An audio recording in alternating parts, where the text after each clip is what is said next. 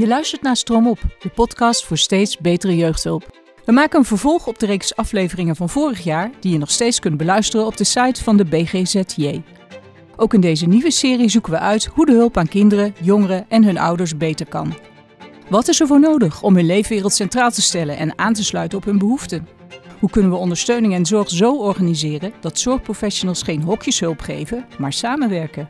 En hoe krijgen we het voor elkaar dat jongeren en hun ouders niet verdwaald raken in een doolhof van instanties en professionals, maar gemakkelijk de hulp vinden die ze willen? In zes afleveringen zullen twaalf bevlogen jeugdhulpverleners vertellen hoe de hulp eerder, beter, passender en liefdevoller kan. Hoe we stroomopwaarts kunnen werken. Mijn naam is Milou van Hintem en in deze eerste aflevering spreek ik met Halil Osman, jeugdzorgwerker bij Via Almata, een instelling voor gesloten jeugdzorg, en met Eva Mulder, programmaleider Academische Werkplaats Risicojeugd. We gaan praten over professionele nabijheid.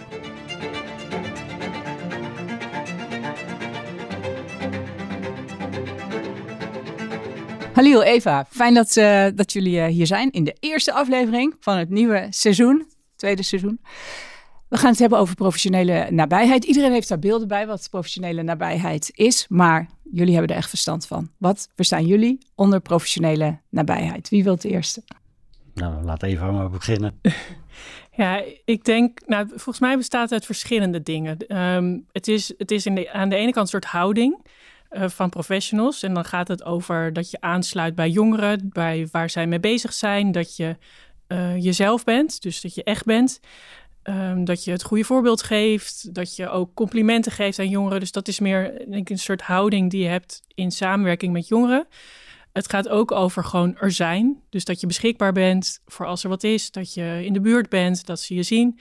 En het gaat denk ik ook over uh, kennis die je hebt. Dus nou, zeker als je het hebt over gesloten jeugdzorg, uh, heb je bijvoorbeeld kinderen met trauma's, dan moet je ook wel iets weten over, nou, wat doet trauma met, met je gedrag en hoe kun je dan daar uh, goed er voor kinderen zijn. Nou ja, ik denk dat dat. Nou, we zitten redelijk op één lijn, want uh, daar begin ja. ik ook mee dat je er eigenlijk letterlijk bent voor, uh, voor de jongens en de meiden die, uh, nou ja, waar ik bijna dagelijks mee te dealen heb. dat je er letterlijk bent in moeilijke tijden. Maar ook gewoon in, in leuke momenten. Ja, daar, dat ze dat kunnen delen met je, dat jij het met hun kunt delen. En wat mij betreft is het een wisselwerking. want ik ben een groot voorstander van om, om je eigen leuke momenten ook met die kids te delen. Dat vinden ze enorm leuk. En voor mij betekent dat letterlijk ook een beetje de nabijheid. Weet je, als je ze maar uh, niks vertelt, hou je automatisch een bepaalde afstand, denk ik. En ik maak ze gewoon deelgenoot nou, van bijna alles uh, wat ik wel meemaak. En dat, uh, dat waarderen ze enorm. Ja, ja. In mijn optiek. Jij zegt echt, je moet het heel letterlijk zijn, hè? Ja, letterlijk. En betekent dat dan vooral, je moet, je moet bij ze aan tafel zitten. En je moet je niet verschuilen, wij spreken in een kantoortje of zo. Je moet in die zin zoveel mogelijk fysiek aanwezig zijn. Ja. Dus met, zeg maar ook bij wijze van spreken met je lichaam nou, aanwezig zijn. Mijn ervaring is, uh, weet je, dat gaat dan ook een beetje um, aangaande de veiligheid hè, die de jongeren ervaren. Uh, als je er tussenin zit, voelen ze zich echt uh, letterlijk veiliger als dat ik op kantoor ga zitten en ik denk, -hmm. ja, ik moet weer mailtjes lezen of even een mailtje sturen of alvast een stukje rapportage schrijven. -hmm. Nee, waar het om gaat is dat je er echt ook letterlijk bent tussen de meiden, in mijn geval dan. Ja, hè, want... en, en, zeggen die meiden nooit tegen je, ah, kun je even opzouten, we willen ook wat zonder elkaar.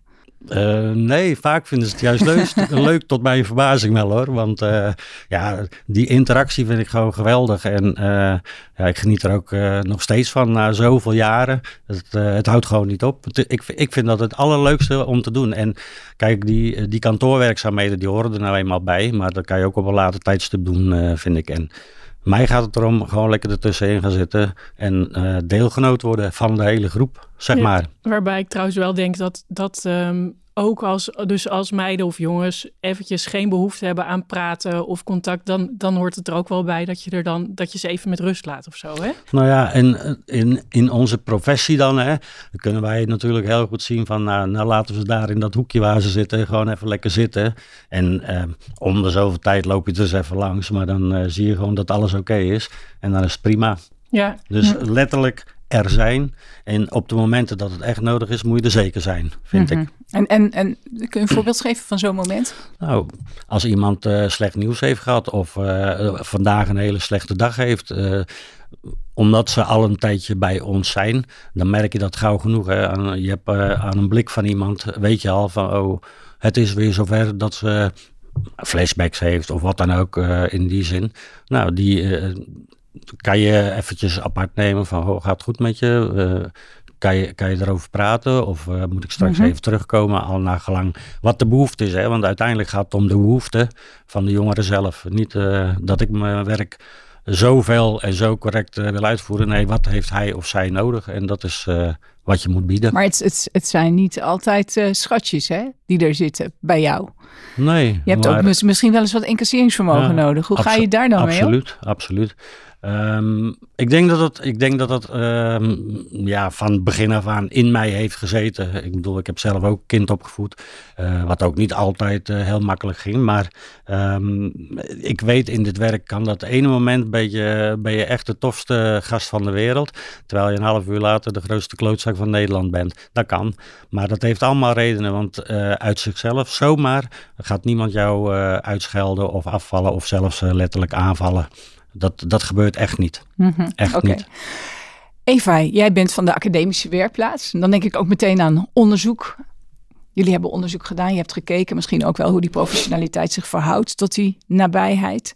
Kan je daar iets meer over vertellen? Want ik kan me voorstellen dat dat nog helemaal niet zo eenvoudig is om die twee dingen met elkaar te integreren. Nee, dat is ook zo. Dus het, het is echt een combinatie van eh, jezelf zijn en jezelf meenemen. Zoals Halil ook vertelt. Hè? Dus dat je, ja, dat je echt bent en dat jongeren ook meekrijgen wat er met jou aan de hand is. En, en, eh, en tegelijkertijd dat je daar ook goed je grenzen in bewaakt, je eigen grenzen. Eh, en het gaat ook over nou, je rugzak aan kennis en opleiding die je hebt. En dat je die twee eigenlijk steeds met elkaar in balans houdt. Dus dat is ook helemaal niet zo makkelijk. Want hoe, hoe kunnen mensen dat dan eigenlijk? Dat kan je niet uit een boekje leren, hè? zal ik maar zeggen. Je gaat naar de opleiding en je moet, je moet het toch ook vooral doen. Ja, ja, ik denk een beetje, volgens mij is het een beetje van beide. Dus deels volgens mij dit werk, het is echt geen makkelijk werk. En voor een belangrijk deel is het ook gewoon aanleg. Dus het moet je liggen om met jongeren met dit soort problemen eh, te werken. Dat moet je gewoon leuk vinden. Ehm, en deels is het ook ja, een, een vaardigheid. En die komt met ervaring. Dus hoe, hoe meer je, hoe ouder je bent, hoe meer bagage je zelf hebt, eh, hoe, hoe meer je met eh, nou, deze doelgroep hebt gewerkt, hoe beter je daarin wordt. Uh, en het is ook voor een deel iets wat je met elkaar doet. Um, dus dat betekent dat je eigenlijk moet zorgen dat je reflecteert op hoe je zelf werkt met elkaar. Dat je elkaar scherp houdt. Dat je elkaar ook soms kan aanspreken als je denkt: hé, hey, wat gebeurde daar nou? Dat je met moeilijke situaties bij je collega's terecht kunt. Dus dat je een soort intervisie- en reflectiestructuur heeft. Dat is echt heel belangrijk ja, om dit goed te kunnen doen. Dat zijn echt wel heel veel dingen bij elkaar natuurlijk. Ik kijk nu even naar jou, uh, Ja, Halil. ja. Is er bijvoorbeeld überhaupt wel... Ik begrijp van even, je moet er een beetje voor gebakken zijn. Hè? Jij straalt dat... uh, ja. Ja. jullie kunnen dat niet zien, beste Ja. luisteraars. Maar Halil die straalt dat helemaal uit. Dat hij dat is. De vaardigheden. Je, zit er, je, zit er al heel, je hebt heel veel ervaring. Ja. Maar hoe heb jij dan bijvoorbeeld geleerd... waar jij mee begon, Eva, je grenzen te bewaken? Ik ga een paar dingen even uitpakken die even aanleiden. ja, die ik ja. even bij jou neerleggen. Nou, eh, de jongeren waarmee ik tot nu toe mee heb gewerkt en waar ik nu nog steeds mee werk, die weten dat, dat ze bij mij wel heel ver kunnen gaan. Eh, mijn grens ligt een kilometer verder als, als de jouwe, bij wijze van spreken. wat is heel ver? Kan je het concreet maken? Nou We ja, een beeld. weet je, als ik zeg, eh, je mag nu niet even, even niet de tuin in bijvoorbeeld. En dan kijkt ze me zo aan en dan loopt ze toch de tuin in. En dan weet ik dat ze daarmee iets wil bereiken. Dan kan ik gelijk zeggen eh, van je moet nu binnenkomen en op mijn strepen gaan staan en een hele loop hijs gaan maken. Maar dan laat ik het gewoon even en dan loop ik drie minuten later naar buiten. En dan uh, bespreken we dat even. En uh, blijkt dat het echt nodig was. Dus dan heb ik het toch goed aangevoeld dat ze even naar buiten kon. Uh, vingerspitsengevoel, uh, zeggen ze toch wel eens uh, mm -hmm. in Duitsland. Um, laten we het daar maar op houden. Dat heb je, of dat heb je het niet, volgens mij. En sommige mensen kunnen dat heel erg goed. En sommigen zijn lerende. En ik heb ook wel eens mensen gezien waarvan ik dacht, jij moet echt ander werk gaan doen.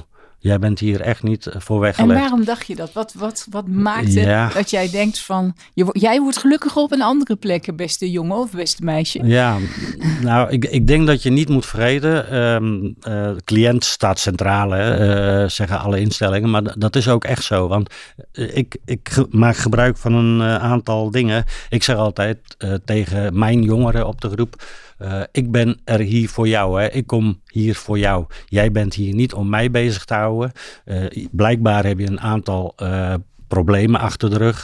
wat niet opgelost kan worden. Met onze hulp ga je hopelijk beter naar huis. Dus ik, waar ik, ik zeg, is ook wij. Hè, want ik heb natuurlijk ook collega's die hetzelfde mm -hmm. werk doen. Wij komen iedere dag hier naartoe om jou die weg op te helpen. En uh, dat is wat wij willen. Jou zo, zo goed mogelijk uh, voorbereiden op de maatschappij die nog uh, staat te wachten, zeg maar. Hè.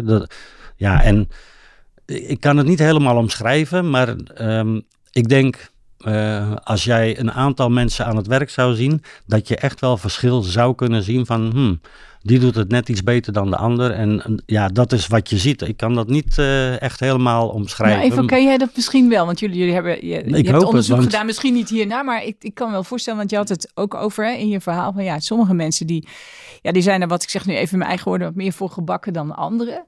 Zou je dat dan, dan zou het handig zijn als je op als je zeg maar de, in, in, in, op een plek gaat werken waar die nabijheid of die professionele eigenheid, zoals jij het ook al noemt, en waar, waar dat dan heel belangrijk is, dat je dat al een beetje kunt zien aan het begin van het hele traject, zou ik maar zeggen, voordat, voordat aan het begin van het werktraject. Ja, dat je bij een soort functieprofiel hebt. Ja, dat, je, dat je een soort uh, dingen hebt van, oh, als iemand daar, daar niet goed op scoort, of als hij dat niet goed in de smiezen heeft, dan is het misschien beter om dit niet te gaan doen. Ja, ja, dat, daar zijn we nog volop mee bezig. Hè? Dus ik, ik kan niet nu een soort lijstje opdreunen dat ik denk, oh, dat is het. Nee, nee, nee, snap ik. Maar een soort indicatie? Ja, ja ik, nee, volgens mij, in ieder geval moet je, je moet flexibel zijn. Dus je moet uh, goed kunnen meebewegen met wat er om je heen gebeurt. Um, het gaat erom dat je kunt, nou, kunt inleven. Dus, en niet alleen gewoon in de ander, maar je moet ook een beetje snappen gewoon hoe jongeren werken, hoe hoe ze denken, uh, waar ze, hoe ze met lange termijn omgaan en met korte termijn. Dus daar moet je goed uh, in kunnen inleven. Uh, nou, die grenzen zijn volgens mij belangrijk. Dus je moet gewoon heel goed in je, in je eigen vel zitten en weten: oké, dit ben ik, hier ligt mijn grens. dus een soort goed gevoel van, van jezelf, zeg maar. Um, zou, mag ik je daar iets over vragen? Want je psychiaters die moeten in therapie. Hè? Dat, dat, zou, zou zoiets eigenlijk ook zeker voor bepaalde type hulpverleners echt een aanrader zijn om dan ja, even heel goed uh, jezelf op de schop te nemen en, en ook beter te kunnen begrijpen bijvoorbeeld van waarom vind ik dit moeilijk of waarom raakt me dit heel erg? Want hè, jullie hadden het allebei ook over grenzen bewaken. En jij noemde dat voorbeeld hè, van de tuin inlopen. Ja. Maar ik, ik, zat ook meer te denken aan emotionele grenzen. Ja. Dat je zelf niet te, je moet involved zijn op een bepaalde manier. Maar je moet je er ook niet in verliezen natuurlijk. Nee, klopt. Ja, ik denk dat dat, nou ja, therapie, dat klinkt meteen weer zo zwaar. Maar ook bijvoorbeeld gewoon intervisie. Hè? Dus dat je mm-hmm. kunt, het kunt hebben over wat het met je doet. Ik denk dat dat heel belangrijk is. En het gaat volgens mij ook over, nou dat noemde jij ook al, hè? dat je je eigen ervaringen uh, mee kan nemen je werk in ja, dat vraagt ook wel wat van je. Want dan moet je ook kwetsbaar opstellen. Ja. En als het even niet goed met je gaat, dan voelen jongeren dat haar fijn ja, aan. Dus absoluut, dan moet je absoluut. dat ook kunnen zeggen. En dat vraagt inderdaad best wel dat je goed, nou ja, daar zelf mee kan omgaan. En dat je scherp bent op wat het met je doet en wanneer het te ver gaat. En ja, je moet er niet s'avonds uh, van wakker liggen, bij zo'n spreken. Maar het is soms ja. ook uh, belangrijk om uh, bepaalde dingen. Ik vraag regelmatig, als ik bijvoorbeeld met een van de meiden een rondje ga lopen, dan vraag ik ook gewoon echt serieus feedback van, joh, wat vind je nou eigenlijk heel stom aan mij? Oh ja, echt? Vraag ja, je dat ja, zo? serieus. En je krijgt antwoord. Ja, ik, uh, ik krijg echt uh, antwoorden. Soms denk ik, ja. oké, okay, daar kan ik echt lering uit trekken. Maar, uh, Misschien nou, niet leuk om, om, om voor een groot publiek te vertellen, maar kan je er iets uitpikken waar je zegt, daar heb ik nou echt iets aan gehad? Wat een, wat een jongen tegen me zei? Hoef je niet meteen het ergste te noemen Ik zal er nog even oh, over nadenken. Okay. Misschien komt het nog wel. Maar ik, ik, vraag het echt letterlijk. Maar ja. ik wil dan ook weten, wat, wat vind je dan eh, goed aan mij, wat ik goed doe? En ja, dat zijn uh, vooral de leuke dingen die je hoort. Hè? Want ja, u heeft heel veel humor. Nou, en dat is wel een van de kwaliteiten die je echt moet hebben in dit werk. Humor wat, mag wat mij betreft echt uh, bovenaan staan. Want als je dat niet hebt, dan, nou, dan zie ik het somber in voor je. En relativeringsvermogen, denk ik ook. Absoluut, absoluut. Maar het lijkt mij zo, zo die, die, die combinatie van je moet eigenlijk heel stevig zijn. Je moet ook veel kennis hebben natuurlijk, want het is niet alleen een kwestie van houding. Je moet je kwetsbaar opstellen en tegelijkertijd moet je die grenzen kunnen bewaken. Het klinkt, het klinkt gewoon, ja, eerlijk gezegd wel heel ingewikkeld. weet je wat het, weet je wat het is?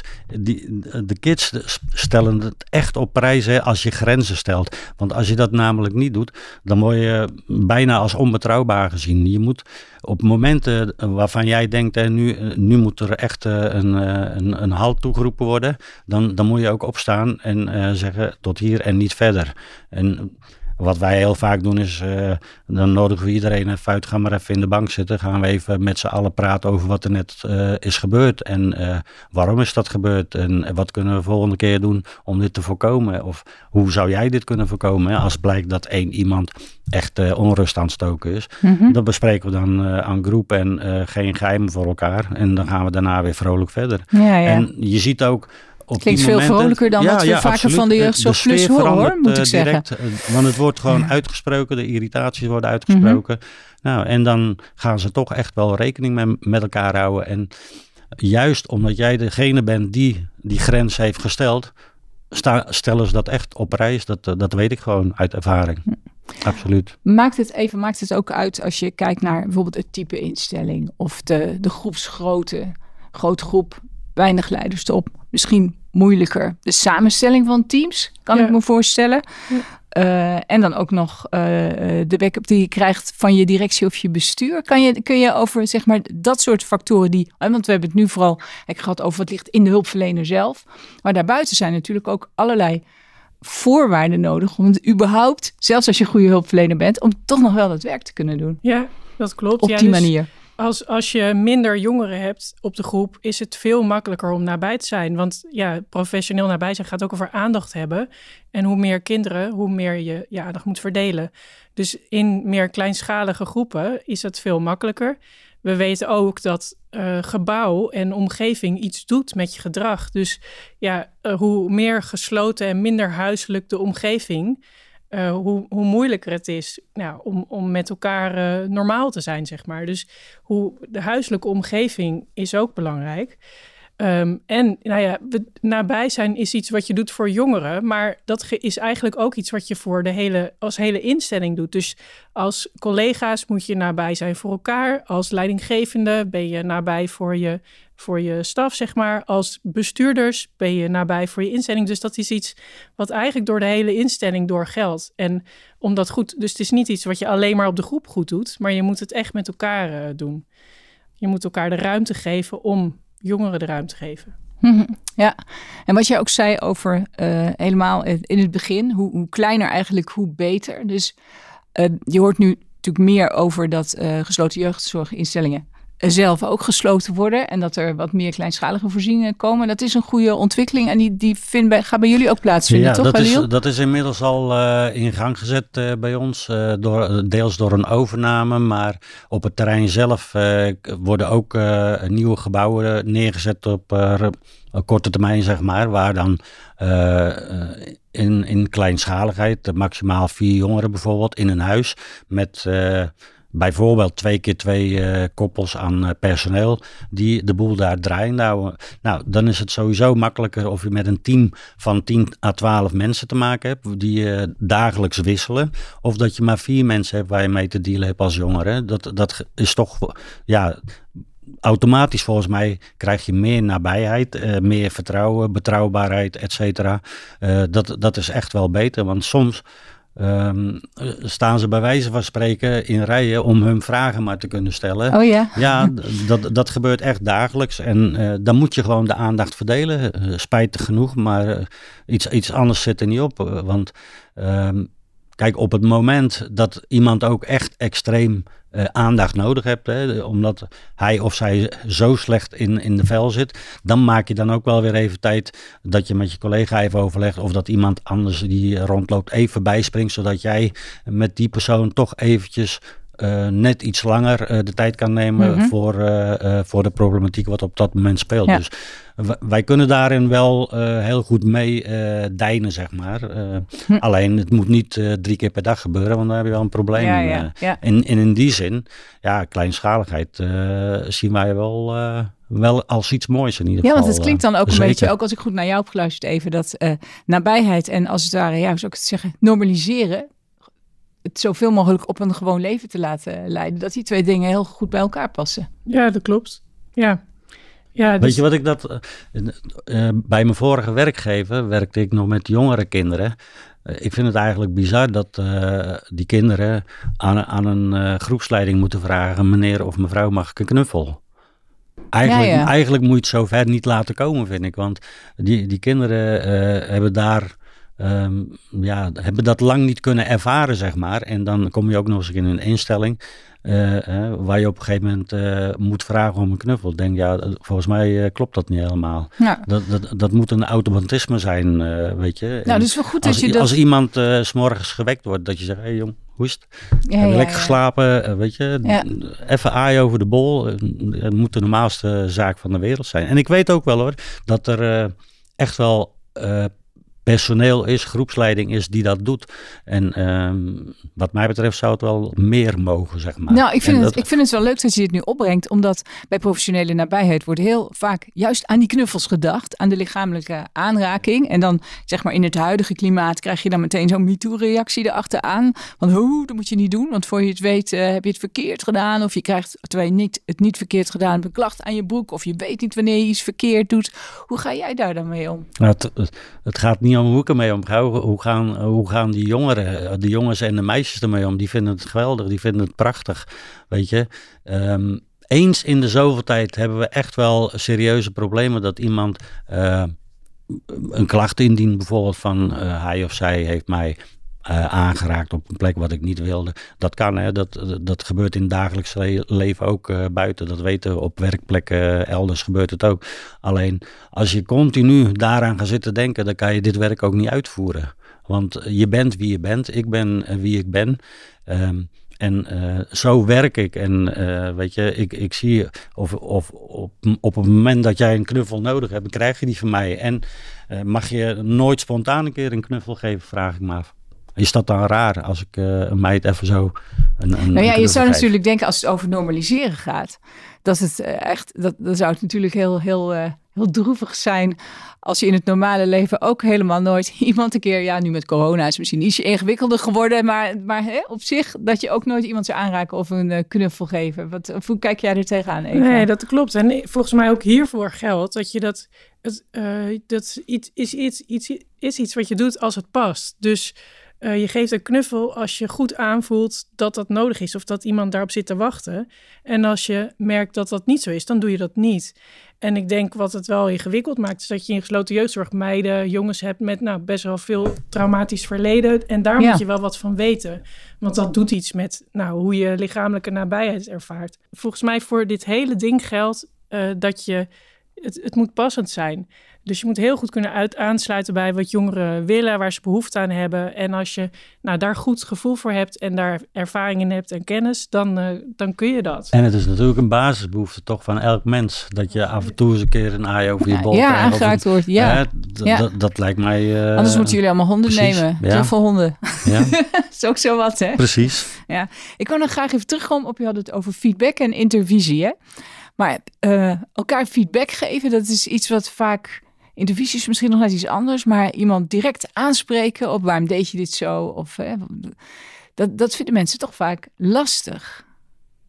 Gebeurt dat voldoende? Of kun, kun je, ja, in, mijn, je in, in, mijn maken? optiek gebeurt het te weinig hoor. Want uh, het zou wat mij betreft wel meer mogen ook. En uh, deels heeft het natuurlijk mee te maken dat uh, mensen misschien zich aangevallen voelen direct. Maar ik, ik persoonlijk bijvoorbeeld heb daar geen enkele moeite mee. Weet je, als jij iets ziet waarvan je, uh, waar, waarbij je vraagtekens hebt, bijvoorbeeld, mag je daar best vragen over stellen of zelfs een opmerking maken. Maakt mij niet uit.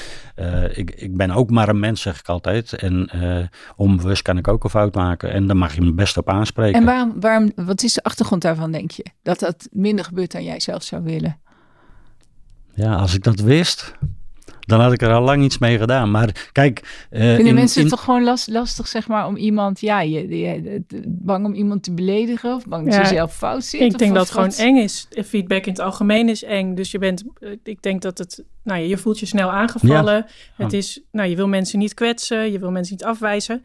Maar het is wel super belangrijk. En ik denk dat dat is nou een voorbeeld van nabij zijn als collega's. Dus als je ook met elkaar de ruimte hebt om elkaar. Nou, en niet alleen aan te spreken op als je denkt: hé, hey, wat doe je nou? Maar ook gewoon: hoe gaat het met je? Uh, hey, er gebeurde net dit of dat en uh, wat vond je daarvan? Weet je, dat je een soort open cultuur uh, creëert met elkaar, waarin ook feedback een plek heeft. En hoe zou je daarmee kunnen beginnen, bij wijze van spreken? Hoe, wat, hoe kan je daarvoor zorgen dat dat iets makkelijker wordt? Ik, ik, denk dat dus het hebben van een goede intervisiecultuur, dat dat helpt. Dus als je het eerst organiseert, dat je mhm. met elkaar het hebt over hoe doe je je werk en wat vind je daarin belangrijk en wat gaat er goed en wanneer gaat het een keer mis en, wat, en hoe komt dat, wordt het volgens mij ook makkelijker om dat met elkaar te doen. En ik denk ook dat, nou dat zit hem ook in kwaliteit van medewerkers en ook gewoon in je team en, je, en de aansturing van het team. Dus uh, je moet met elkaar die ruimte creëren. Ja, je moet misschien ook zo'n houding hebben, kan ik me voorstellen, dat je ook graag uh, wilt leren, omdat je omdat je toch iedere dag wil dat het een beetje beter gaat. Absoluut. Maar kijk, nogmaals, als, als Eva ziet dat ik echt iets fout doe, dan mag zij me echt op mijn kop geven. Weet je, uh, ik, ik mag dan best gecorrigeerd worden. Want als ik, als ik zelf niet inzie dat ik een fout maak en, uh, en dat niet weet, ja, dan, dan zal er ook niks veranderen. maar er moet er ook een cultuur zijn waarin je ook een fout mag maken. en dat, is natuurlijk vaak niet zo. Hè? Of dat, dan niet, dat je niet het gevoel hebt als ik iets, als ik iets mis doe, of als ik op iets van zeg, gaat meteen mijn kop eraf dan, dan moet je dan ook allemaal iets. Nou, ik, ik denk wel dat we zeg maar in, in een uh, tijd leven waarin, waarin dat echt wel kan, uh, zonder dat je kop eraf gehaakt wordt. Hè. De, tenminste, zo zie ik het, uh, zeg maar. Ehm, ik heb in ieder geval nog nooit meegemaakt dat, dat iemand letterlijk, bij wijze van spreken, de laan wordt uitgestuurd om, om, een, om een klein foutje of zo. Weet je, dat, dat, dat heb ik niet meegemaakt. Mhm. Dus wat mij betreft uh, kunnen we het doen en uh, mogen we het ook meer doen, lijkt mij. Dus dan zou het een kwestie zijn van beter organiseren. En wat jij zegt vind ik wel heel mooi, dat je zegt die nabijheid, die moet overal zitten. In de organisatie, in collega's onder elkaar. Het is niet alleen iets tussen de hulpverlener en de jongeren, maar van de de hele manier waarop je met elkaar werkt en het organiseert. Ja, ja, je bent ook met elkaar het voorbeeld voor jongeren. Dus als je liefdevolle zorg zeg maar geeft, en dat betekent ook dat je soms boos bent, grenzen stelt, elkaar aanspreekt. En, en dat is dus ook iets wat je als collega's onderling doet. Net zoals dat je dat met jongeren doet. je staat in ieder geval heel de dag te preken bij de jongeren. Hè? Als je, heb je irritatie, spreek het uit. Heb je een probleem, probeer zelf hè, met iemand in gesprek te gaan en zo. Maar onderling laten we het wel vaker afweten dan dat we het uh, bij de kinderen preken dat ze dat moeten doen. Daar kunnen we in ieder geval wel iets van leren. En nou helemaal onder de streep, die nabijheid die zit goed in elkaar, zal ik maar zeggen. Het werkt, het werkt goed. Wat heeft het voor effect op de jongeren? Wat schieten de jongeren ermee op? Dat zal ik je vertellen. Want nou. ik, heb, um, ik heb deze vraag toevallig gisteravond aan, uh, aan alle meiden gesteld. Van joh, um, uh, die uh, zeg maar professionele, persoonlijke nabijheid die jullie van ons krijgen. Hè? Hoe ervaar jij dat? Uh, wat, wat levert het jou op? En uh, ik heb gewoon een aantal uh, antwoorden genoteerd, zeg maar, oh, die ik mee, mee, wilde nemen. Ja. Um, het eerste was geborgenheid. Ik voel echt mijn eigen geborgen. Ik voel me gewaardeerd. Ik voel mij ook echt veilig. was een van de dingen. Ik voel me geaccepteerd. En als laatste, ik voel mij echt gehoord en begrepen. Dat levert het mij op. Ja, ik zat ook al te denken, ik voel me gezien. Dat zit ook allemaal in, in dat soort uitdrukkingen. Maar ik vind, ik vind ook, uh, als, als, uh, als zo iemand zegt van, ik, ik voel echt geborgenheid en ik voel me veilig. Ja, dan, dan kan ik alleen maar blijer worden. Als dan heb je iets goed gedaan. Ja, ja. absoluut. Ja. Wij hebben iets goed gedaan. Ja, ja. Verbaas je niet deze antwoorden, denk ik, Eva? Helemaal niet. Nee, en, en uh, los van het effect op jongeren, uh, maakt het je werk dus ook veel leuker. Dus het is een soort, nou ja, het, het levert beide kanten op wat op. Hè? Dus het jongeren, nou dit zijn denk ik prachtige antwoorden die heel mooi laten zien hoe dit werkt. En het maakt je werk veel leuker als, als dit is wat je terugkrijgt en wat je ziet. Ja. Oké, dankjewel. Halil, jij had nog iets bijzonders te zeggen. Ja, ik, ik wilde het toch uh, niet onbenoemd laten, want uh, ik werk nu uh, binnen Almata voor de tweede keer op de meidengroep. En um, dit jaar is, um, is ons een, een, ja, een, een allerbeste collega van de meidengroep. is ons ontvallen, zeg maar, door, door die vreselijke ziekte. En um, als het mag, wil ik deze uh, podcast toch een beetje aan Vincent opdragen. Want in de afgelopen 10, 12 jaar uh, heeft hij alleen maar op die meidengroep gewerkt. En uh, zoveel meiden, zeg maar, toch hele goede kansen geboden, geborgenheid geboden, veiligheid geboden. En ik, wil, ik wilde zijn naam toch even aan deze uitzending koppelen onze Vincent. Nou, dat is mooi dat je dat hebt gedaan en dat mag zeker zo. Mag ik jullie dan heel hartelijk uh, bedanken, Halil Osman en Eva Mulder. Graag gedaan. Graag gedaan. Dit was de eerste aflevering van Stroomop, seizoen 2. Een podcastserie waarin we onderzoeken hoe we de jeugdhulp beter kunnen maken. Aan deze aflevering werkten mee Halil Osman, Eva Mulder, Jochem Tames en Melu van Hintem. Stroomop, de podcast voor steeds betere jeugdhulp, wordt gemaakt door Stroomop samen met BGZJ, branches gespecialiseerde zorg voor jeugd.